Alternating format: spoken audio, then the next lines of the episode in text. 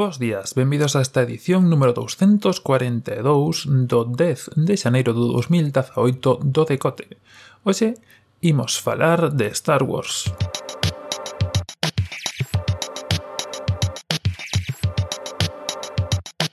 E imos falar de Star Wars porque, como sabedes, pois hai unha película nova o 15 de decembro, se non me lembro mal, e en breve, porque a verdade é que moi en breve eu pensaba que ia tardar máis, imos ter a seguinte, xa que o 25 de maio, si o 25 de maio non espenza non acartan a Nadal nin nada, temos xa a seguinte, que vai ser, como seguramente saberedes, porque xa pois saíron por aí xoguetes e, e restos de cousas, a de Han Solo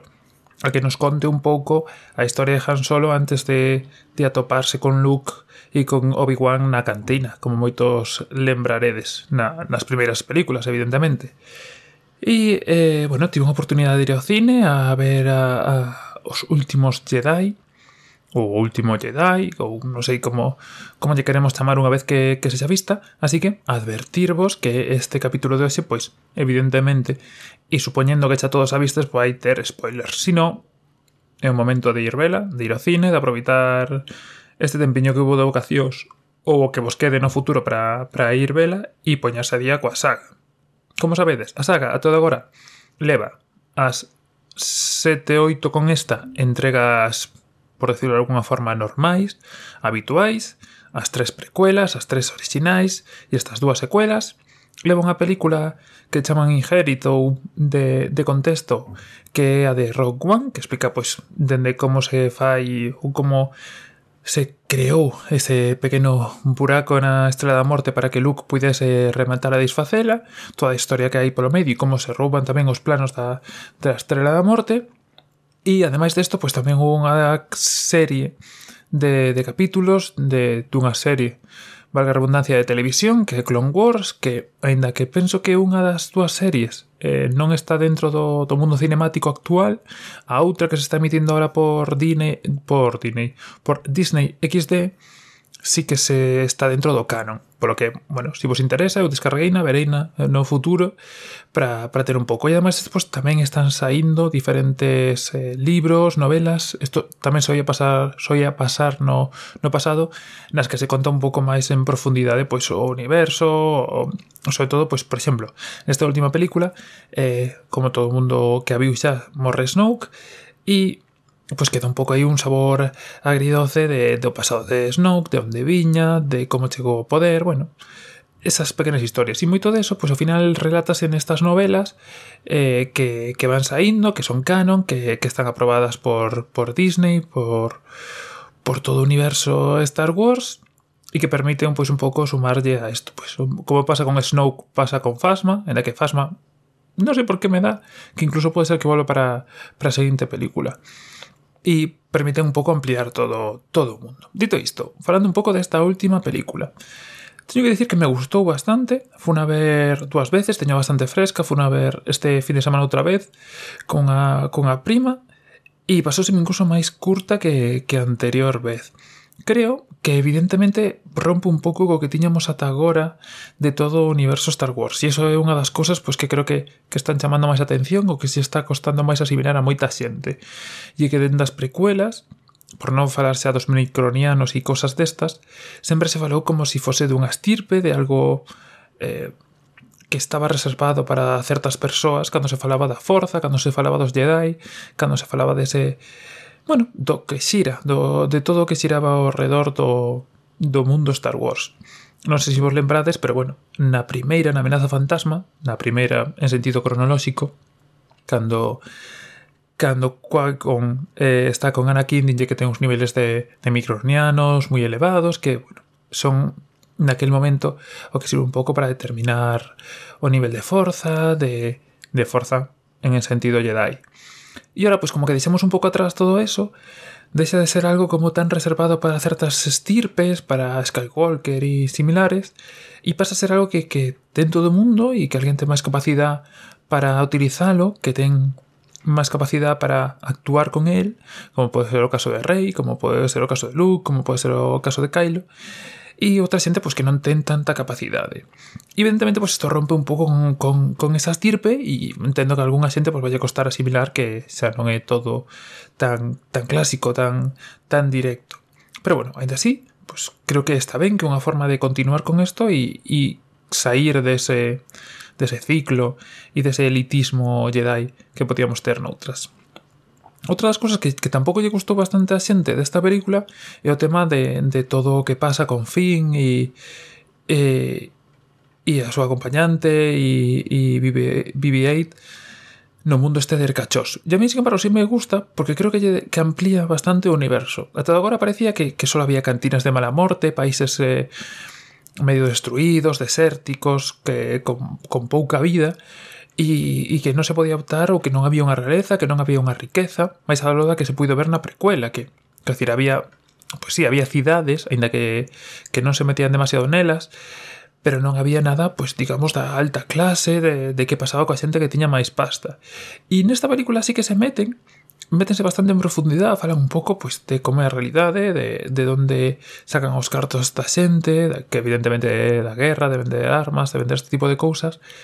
E, e tamén parece moi interesante pois ampliar todo o mundo cara, cara a esos lados, cara saber que o universo non só eh, é o imperio e os rebeldes, sino que hai moita xente que vive deles, que non está metido no medio destas cousas, que sí, está metida no sentido de que se beneficia de, de todo que estes fan, xa que sacan os cartos de vendelles armas a uns e a outros, pero que eles, bueno, o que pasa aí co universo dalles un pouco igual, se desaparecen planetas e cosas así, mentras non sellan os seus sin ningún problema, e, e xa está. E creo que isto tamén bastante interesante e que ampliou un pouco o dominio que tiñamos ata agora do universo. Parecía que só había pois os países perdidos, os que non eran nin da federación, bueno, a Federación no seu momento, que non eran nin do Imperio nin dos rebeldes, que eran aí que nin fu nin fa, e logo pois os que eran de uns e os que eran de outros. E vemos que aí pois como unha terceira ou cuarta clase de, de planetas que é xente que ten pasta, que ten unha certa estatus social, onde hai normas, onde sobre todo pois hai pequenos detalles como temas de eso, non se pode aparcar onde un quere, eh, non se pode aparcar na playa, E, e creo que eso está tamén moi ben pois para darlle un pouco máis de, de mundo, para darlle profundidade a este universo que aínda que levábamos sete películas, oito co, coa, con Rock One, pois nos quedaba un pouco por saber algo máis de, de profundidade de, de todo de todo o que estaba pasando. Nese sentido, pois pareceu moi moi ben. E logo, evidentemente, é unha película que ten moito máis humor e que ten moita máis carga de, de guiños e clichés e cousas que, que as anteriores, que tamén me parece moi ben, porque creo que ao mesmo tempo que vos decía antes de que acaba co linaxe este Jedi, de que tes que ser de unha familia ou tes que ter un nivel, sino que calquera, incluso con ese guiño final que fai o neno da escoba, pode ser eh, un Jedi, pois creo que, que ese, ese feito de, de meter bromas tamén axuda un pouco a relaxar esa seriedade coa que se pode tomar todo, todo este universo. Que sí, que ten unha parte seria, que evidentemente, pois, cando se destrozan planetas ou cando se, se suicida a general para salvar o resto de naves ou... Bueno, todas esas cosas evidentemente son moi serias, pero eh, está ben que se metan bromas, que se metan pequenas cousas que axuden un pouco a, a liberar a xente de, de esa seriedade e de, de todo o que está por vir. E xeral, pois como vos decía, eh, a película gustoume bastante. É certo que, que toda esa parte de fin e de eso, pois pode chegar a, e de Benicio del Toro pode chegar a facerse un pouco longa demais, pero bueno, está ben darlle contexto, que amplían as cousas, e unha das cousas que, que si creo que amplían e que dá a volta moitísimo, incluso creo que, que a película se, ten moitas ganas de expresalo e de deixarlo claro, é como fin, eh, se si vos lembrades no capítulo 7, está intentando escapar de, do Imperio a toda costa e o final do capítulo 8 está tirándose directamente contra, contra eles da forma máis literal posible. E creo que nese sentido pues, esta película tamén axuda un pouco a a darlle máis profundidade xa non só a todo o que vos digo, sino tamén aos propios personaxes, incluso pois eh, Oscar, o que fai de Oscar Isaac, eh, Paul Dameron, nesta película pois tamén só nesta película pasa de ser eh, a persoa insensata que actúa pois eh, eh, por instinto, ao final da película será que lle di que Luke está ali por algo, que hai un plan maior, que non é todo o momento, que non hai que ir por instinto. En xeral, creo que, que a película pois axuda a meter moito máis eh, contexto a todo o universo en xeral, ainda que evidentemente pois para eso tense que cargar algo das cousas que pensábamos que era así ata ese momento. E bueno, Moi ben, eh, único, como sempre, a min o que me gustan son as loitas de sabres láser e todo o entrenamento da forza e todo ese tipo de cousas que nas primeiras películas estaba moito máis presente aí e creo que nesta pois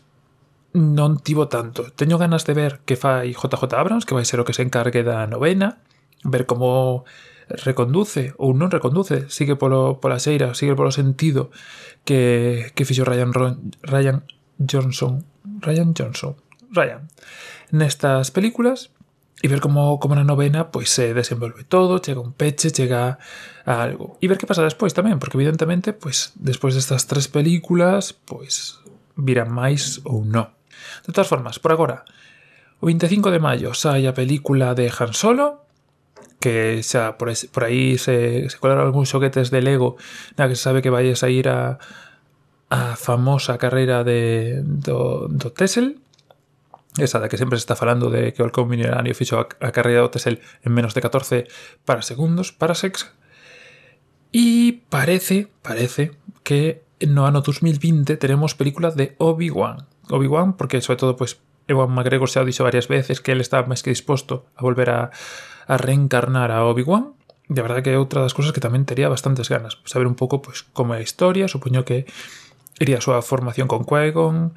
iría un pouco, non sei se entrelazaría cos anos de anteriores a Amenaza Fantasma. Bueno, está por ver. Pero en xeral, pues, como os digo, moitas ganas de ver cada de tira todo isto. Teño ganas de ver a serie animada, así que en canto saque un pouco de tempo tamén lle botaremos un ollo para ver para ver cara onde tira. E nada máis por ese. Espero que disfrutades da película, que disfrutades desta volta do decote. Como sempre, tedes todos os enlaces en podcast.argue.net onde tamén tedes formas de contactar comigo, de saber ande que ando e que fago. Y nada, vémonos de nuevo próximamente. Un saludo y hasta próxima.